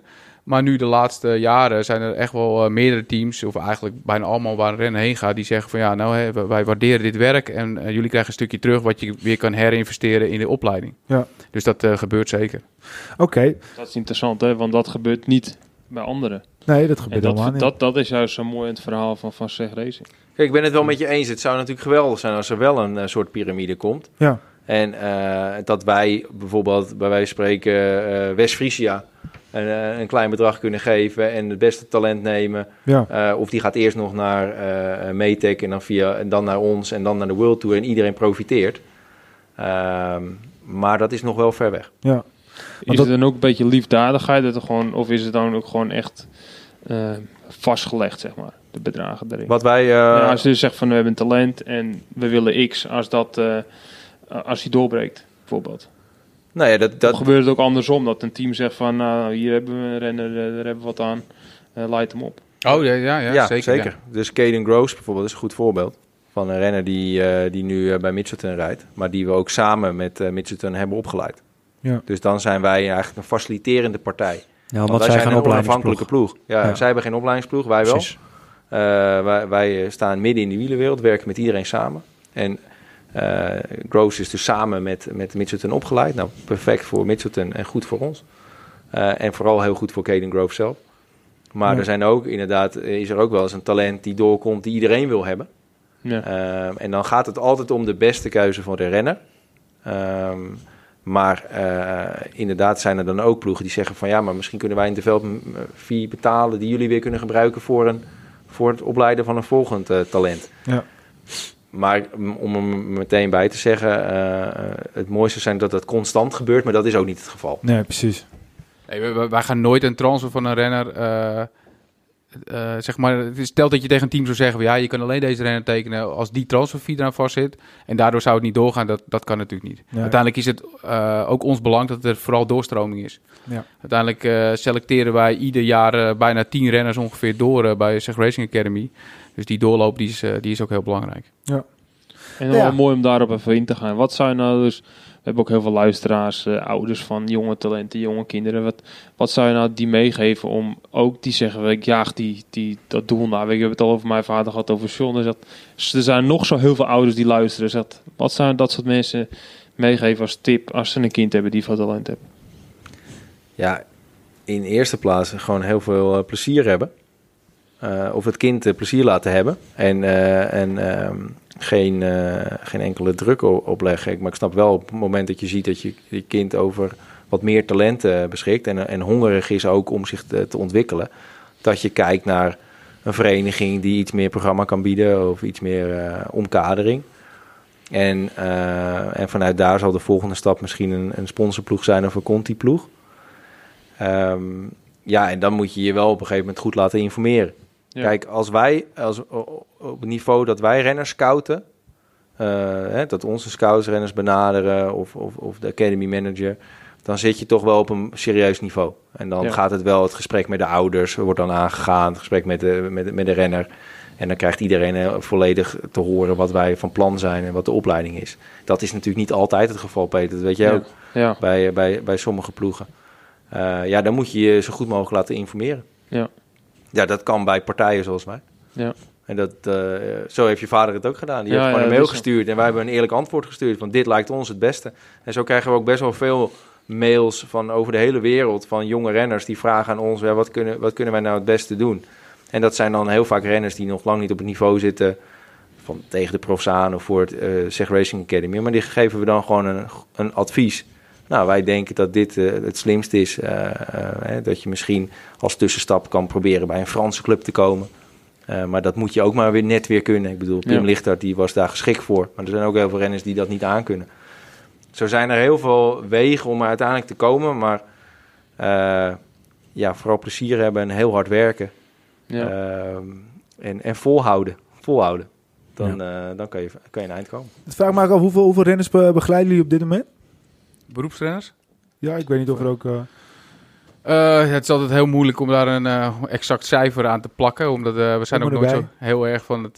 maar uiteindelijk hebben we een belofte team waar, waar 16 renners in, in, plaatsnemen. Nou ja, die, die maken niet allemaal de overstap. Laat zeggen dat de helft daarvan uiteindelijk beroepsrenner wordt. En intussen hebben we een team van acht agenten. En zo, ja... we- we- we zitten- Zullen ronde 80 eh, renners zoiets zitten met die acht agenten. Zo moet je het denk ik zien. Aardig clubje. Ja. En die zijn dan voornamelijk verplaatst over, eh, over de hele World Tour en pro-continentaal. Ja, pro, kijk, we hebben ook in Azië eh renners rijden. Eh, dat is gewoon continentaal level eigenlijk. Eh, dan de Pro Conti en dan eh, de World Tour. Maar we moeten ook wel eerlijk zijn dat eh, vooral op, op continentaal en, en ook Pro Conti, eh, dat zijn ook, daar worden er wat lagere salarissen betaald. Eh, dus daar heb je ook best wel omvang eh, nodig om, eh, om daar als bedrijf zijnde ook omzet mee te draaien.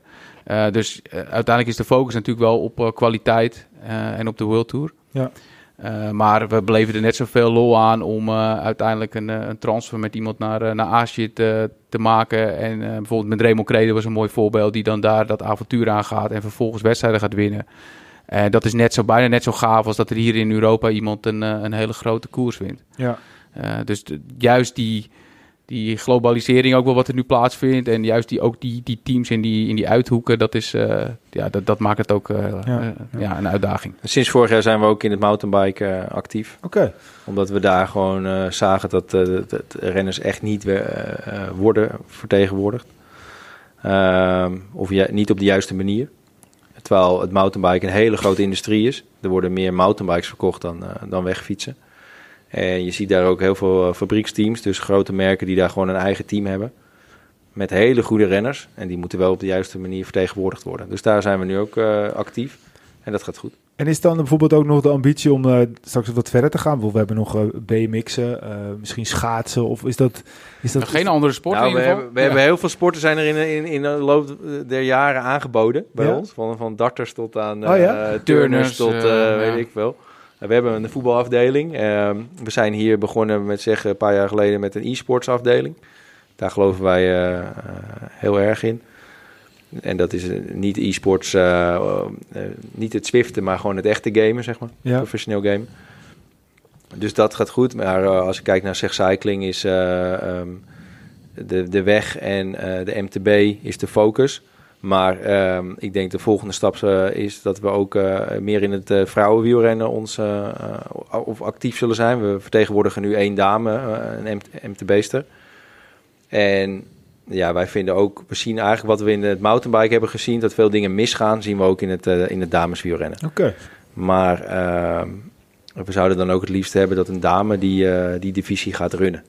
Oké. Eh, dus we zoeken nog... eh, Ik kan een oproepje doen, hè? We zoeken de juiste dame die dat, eh, die dat met ons samen gaat oppakken in de, in de komende jaren. Dus we weten niet wanneer, maar dat is wel een ambitie. Ja, en als je naar nieuwe disciplines kijkt, dan houden we wel de ontwikkeling in de, in de gaten. Eh, bijvoorbeeld eh, ook het e-racing, wat daar gebeurt, dat, dat volgen we echt eh, op de voet. We hebben zelf ook met, eh met zeg Racing Academy een competitie daar, daarop op RGT eh, georganiseerd.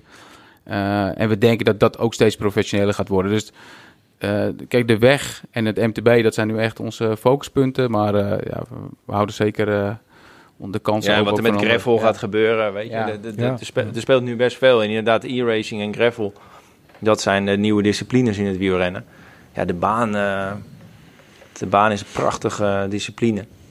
Ja. Maar wel heel lastig. En zoals BMX'en, dat is niet... Nee, dat, is niet onze specialiteit. Daar weten wij te weinig van. Uiteindelijk is het ook wel binnen zeg ook wel de filosofie dat iedereen die eh, werkt bij een bepaalde afdeling, dan vooral in de rol van eh, agent, dus niet bij legal, finance of dat, eh, die hebben wel een achtergrond in die sport. Zo Ja. zijn er, eh, als je bij onze voetbalagenten kijkt, zijn er veel eh, mannen die, eh, die gestudeerd hebben, maar daarnaast ook best wel ver zijn gekomen in, in het voetbal, maar net niet de profs hebben gehaald. Ja.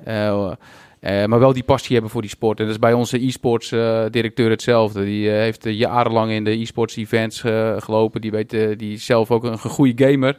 Die weet precies hoe het allemaal werkt, maar net niet die, die top gehaald. Ja. Maar daardoor snap je eigenlijk al die facetten. En Die, dat, die binding moet gewoon heel sterk zijn. En ik bedoel, nogmaals, het moet gewoon, wat Wilke net ook schetst, je moet gewoon volledig weten wat er speelt, maar je moet ook weten waar je het over hebt. Ja, de. Dat- taal en de cultuur moet Ja, je precies, begrijpen. ja. Kijk, en dat, dat zie je wel eens. Kijk, voor ons is de wielersport eh, begrijpelijk. Eh, maar voor iemand die daar, eh, daarin komt kijken en die daar helemaal nog nooit ja, in, in heeft rondgelopen, die hoort termen waar hij, waarvan hij echt denkt van ja, waar gaat dit over?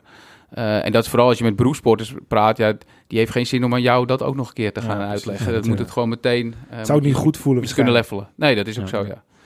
Ja, volgens mij kunnen we echt nog wel eh, uren doorlullen. Ik heb eigenlijk nog, eh, ik kijk even naar, de, naar Peter en Wilke, maar ik heb nog twee dingen die ik echt wel eh, even zou willen weten. Ehm, als jullie zo terugkijken op, op, op deze ja, toch al lange periode dat jullie aan het ondernemen zijn, wat is dan echt iets, en misschien niet één ding, maar noem een top drie waar jullie echt zo ontzettend trots op zijn? Of is dat, is dat niet te doen? Ehm, ja, weet je wat het gek is om...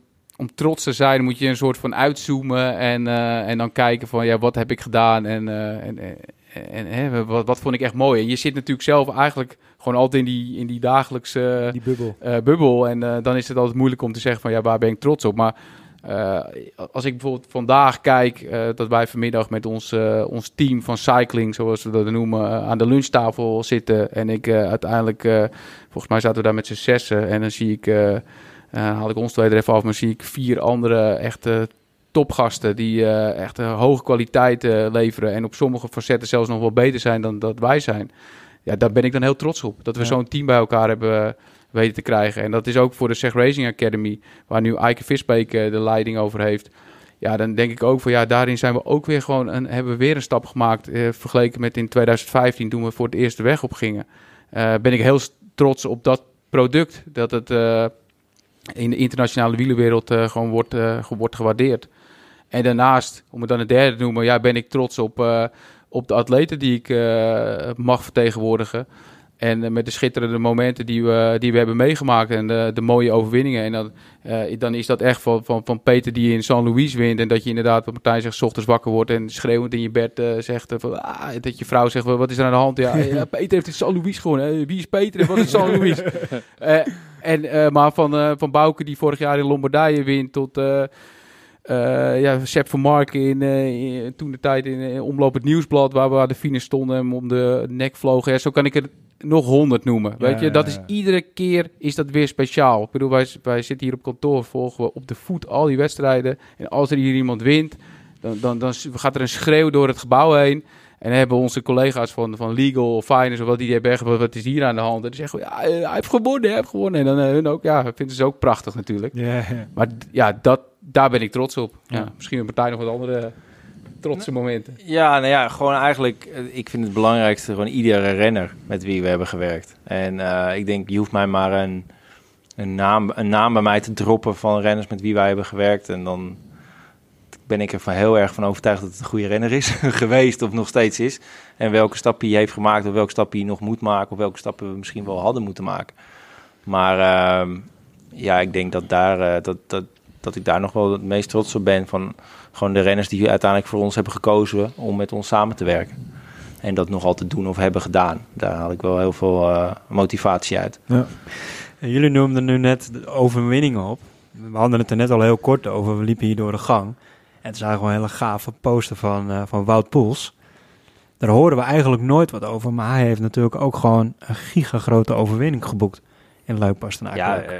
Waarom wordt daar te weinig over gesproken? Nou ja, omdat, omdat Wout het, eh, dat, is, dat komt omdat hij het bij Sky heeft gedaan. Kijk, op het moment dat jij bij Jumbo, Ja, is goed, ja? eh, of bij Jumbo of bij Sunweb zo'n koers wint, is er veel meer aandacht voor dan op het moment dat je het bij een buitenlandse ploeg eh, zo'n overwinning behaalt. En hij zit natuurlijk, of hij zat bij, eh, bij Sky, Ineos, bij de beste ploeg van de wereld, waar gewoon iedere week een overwinning werd behaald. Ja. Eh, hij heeft zes grote rondes gewonnen, die, oh, zes grote rondes gereden waar hij, eh, die, die zijn gewonnen. Hè? De meest succesvolle ploeggenoot in een grote ronde van de afgelopen tien jaar. Ja. Eh, hij heeft een monument gewonnen. Hij heeft eh, schitterende andere koersen gewonnen. Het is gewoon een fantastische renner. Ja. En ik ben het heel met je eens. Hij is eh, ondergewaardeerd. Ja. En heeft niet genoeg credits gekregen voor eh, wat, hij tot nu toe heeft bereikt. Precies, want die overwinning, dan weten het allemaal. Hoe hij hem gepakt heeft. Dat is natuurlijk wel Hij was gewoon door een absoluut de beste. te Hij was de beste van die Ja. dag. Maar het was voor Sky, Sky natuurlijk ook het allereerste monument Klopt. wat ze wonnen. Dus Klopt. het Het was- werd, het werd binnen die ploeg eh, gigantisch gewaardeerd. ja. Want dat was hetgene wat nog ontbrak. Hè? Ze hadden die Tour al een paar keer Ja. gewonnen. Maar Ja. dat monument inderdaad, dat, ja, eh, dat was... Ik denk ook dat het gunnen binnen zo'n team ook. Hè? Als ik, Ja, ik ken Wout ook een, paar, een beetje dan persoonlijk. Het is ook echt een toffe gast. Ja, zeker. Echt, en dan binnen zo'n team, als hij dan zo'n mooie koers kan winnen, Ja. reken maar dat die gasten de banken stonden.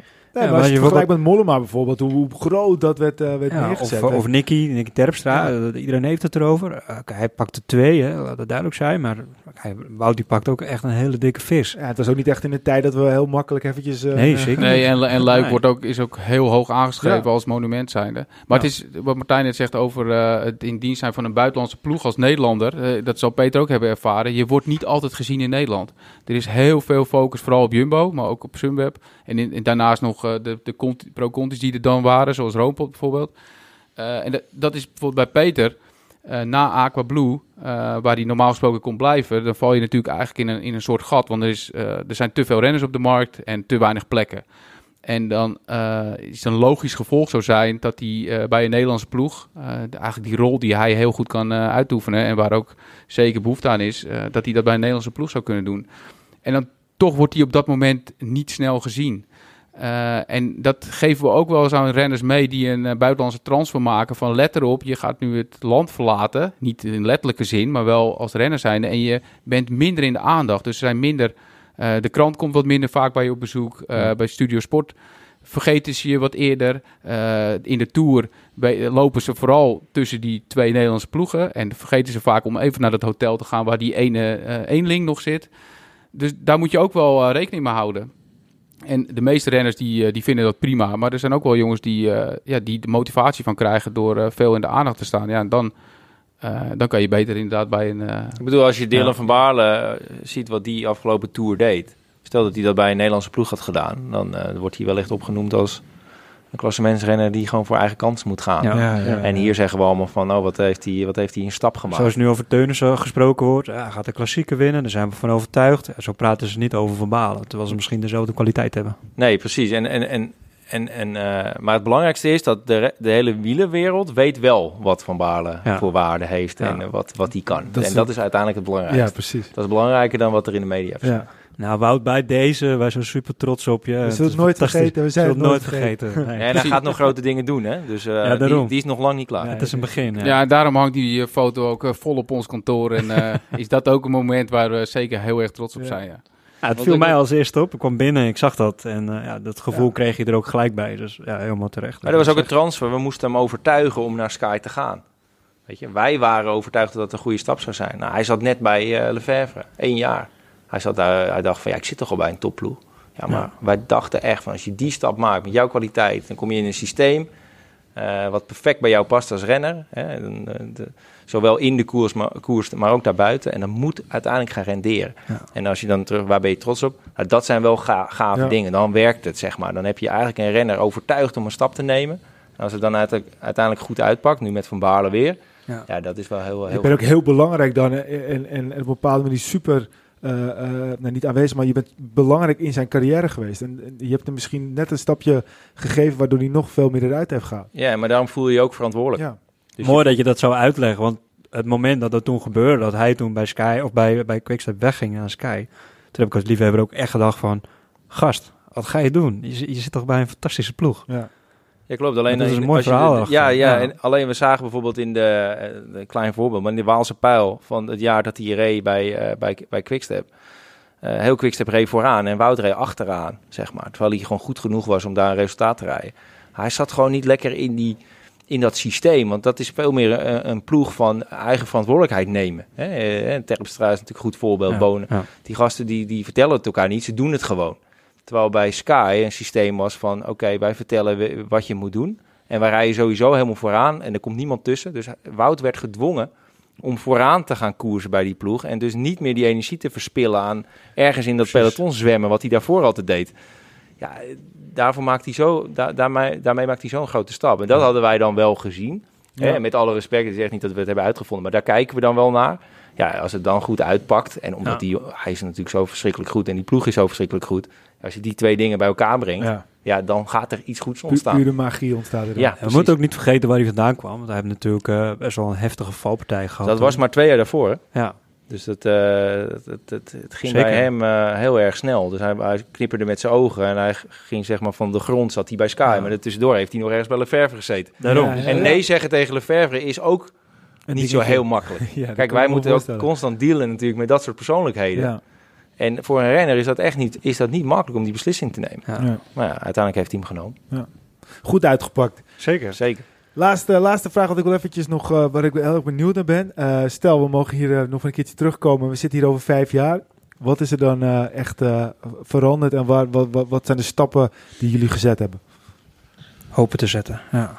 Een mooi doel nog. Heb je zo een doel voor ogen? Dat is een goede vraag. Ja, dat is zeker een goede vraag, ja. Ehm, kijk, in, in sport wordt natuurlijk alles altijd uitgedrukt in, eh, in overwinningen vaak. En onze CEO uh, hier binnen zegt, die vraagt altijd aan ons... wanneer gaan we nou een keer die toerwinnaar uh, hebben? En komt die dan uit onze eigen opleidingsploeg? kijk, dat zou, een, dat zou een soort droom zijn. Maar belangrijker nog vind ik dat we gewoon eigenlijk ja, kwaliteit nog steeds leveren. En dat, dat renners van over de hele wereld, dus uh, dat is al zo, maar nog, nog meer eigenlijk kiezen van ja, als ik vertegenwoordigd wil worden, dan wil ik bij, uh, bij SEG zitten. En, en bijvoorbeeld de damestak waar Martijn het net over had, dat bestaat nu nog helemaal niet. Over vijf jaar hopen we daar ook gewoon een goede stap in te hebben gezet. En uiteindelijk willen we gewoon marktleider zijn. En dan vooral marktleider in, in kwaliteit. En ik, ik denk dat we aardig op weg zijn. Ja, en ik denk daarnaast dat uh, um, we moeten ook uh, innoveren. We moeten ook naar de toekomst kijken. Dus ik denk over vijf jaar, uh, hopelijk hebben we dan een, een professioneel e-sports team. En dan heb ik het over een, een, dus een koersteam, dus een, een fietsteam online. want die kant gaat het wel op. Denken wij dat je uiteindelijk als renner gaat kiezen voor een online of offline carrière. Ehm, Oké. En, en daar, uh, dat zal wel iets zijn waar wij een grote rol in gaan spelen als bedrijf, zeg zijn. Omdat we zowel een e-sports tak hebben als een cycling tak. En die twee samen moeten wel ervoor zorgen dat we een voorsprong hebben uh, wat betreft het, uh, het, e-racing verhaal. Ja.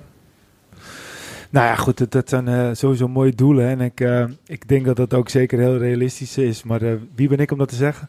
Precies. Wilco, we zitten alweer dik over, eh, over de tijd heen die we meestal zeggen dat we gaan doen. We houden het ook nooit. ik heb, nog wel één vraag. We hebben natuurlijk veel uh, uh, mooie, positieve dingen verteld nu over van jullie vak.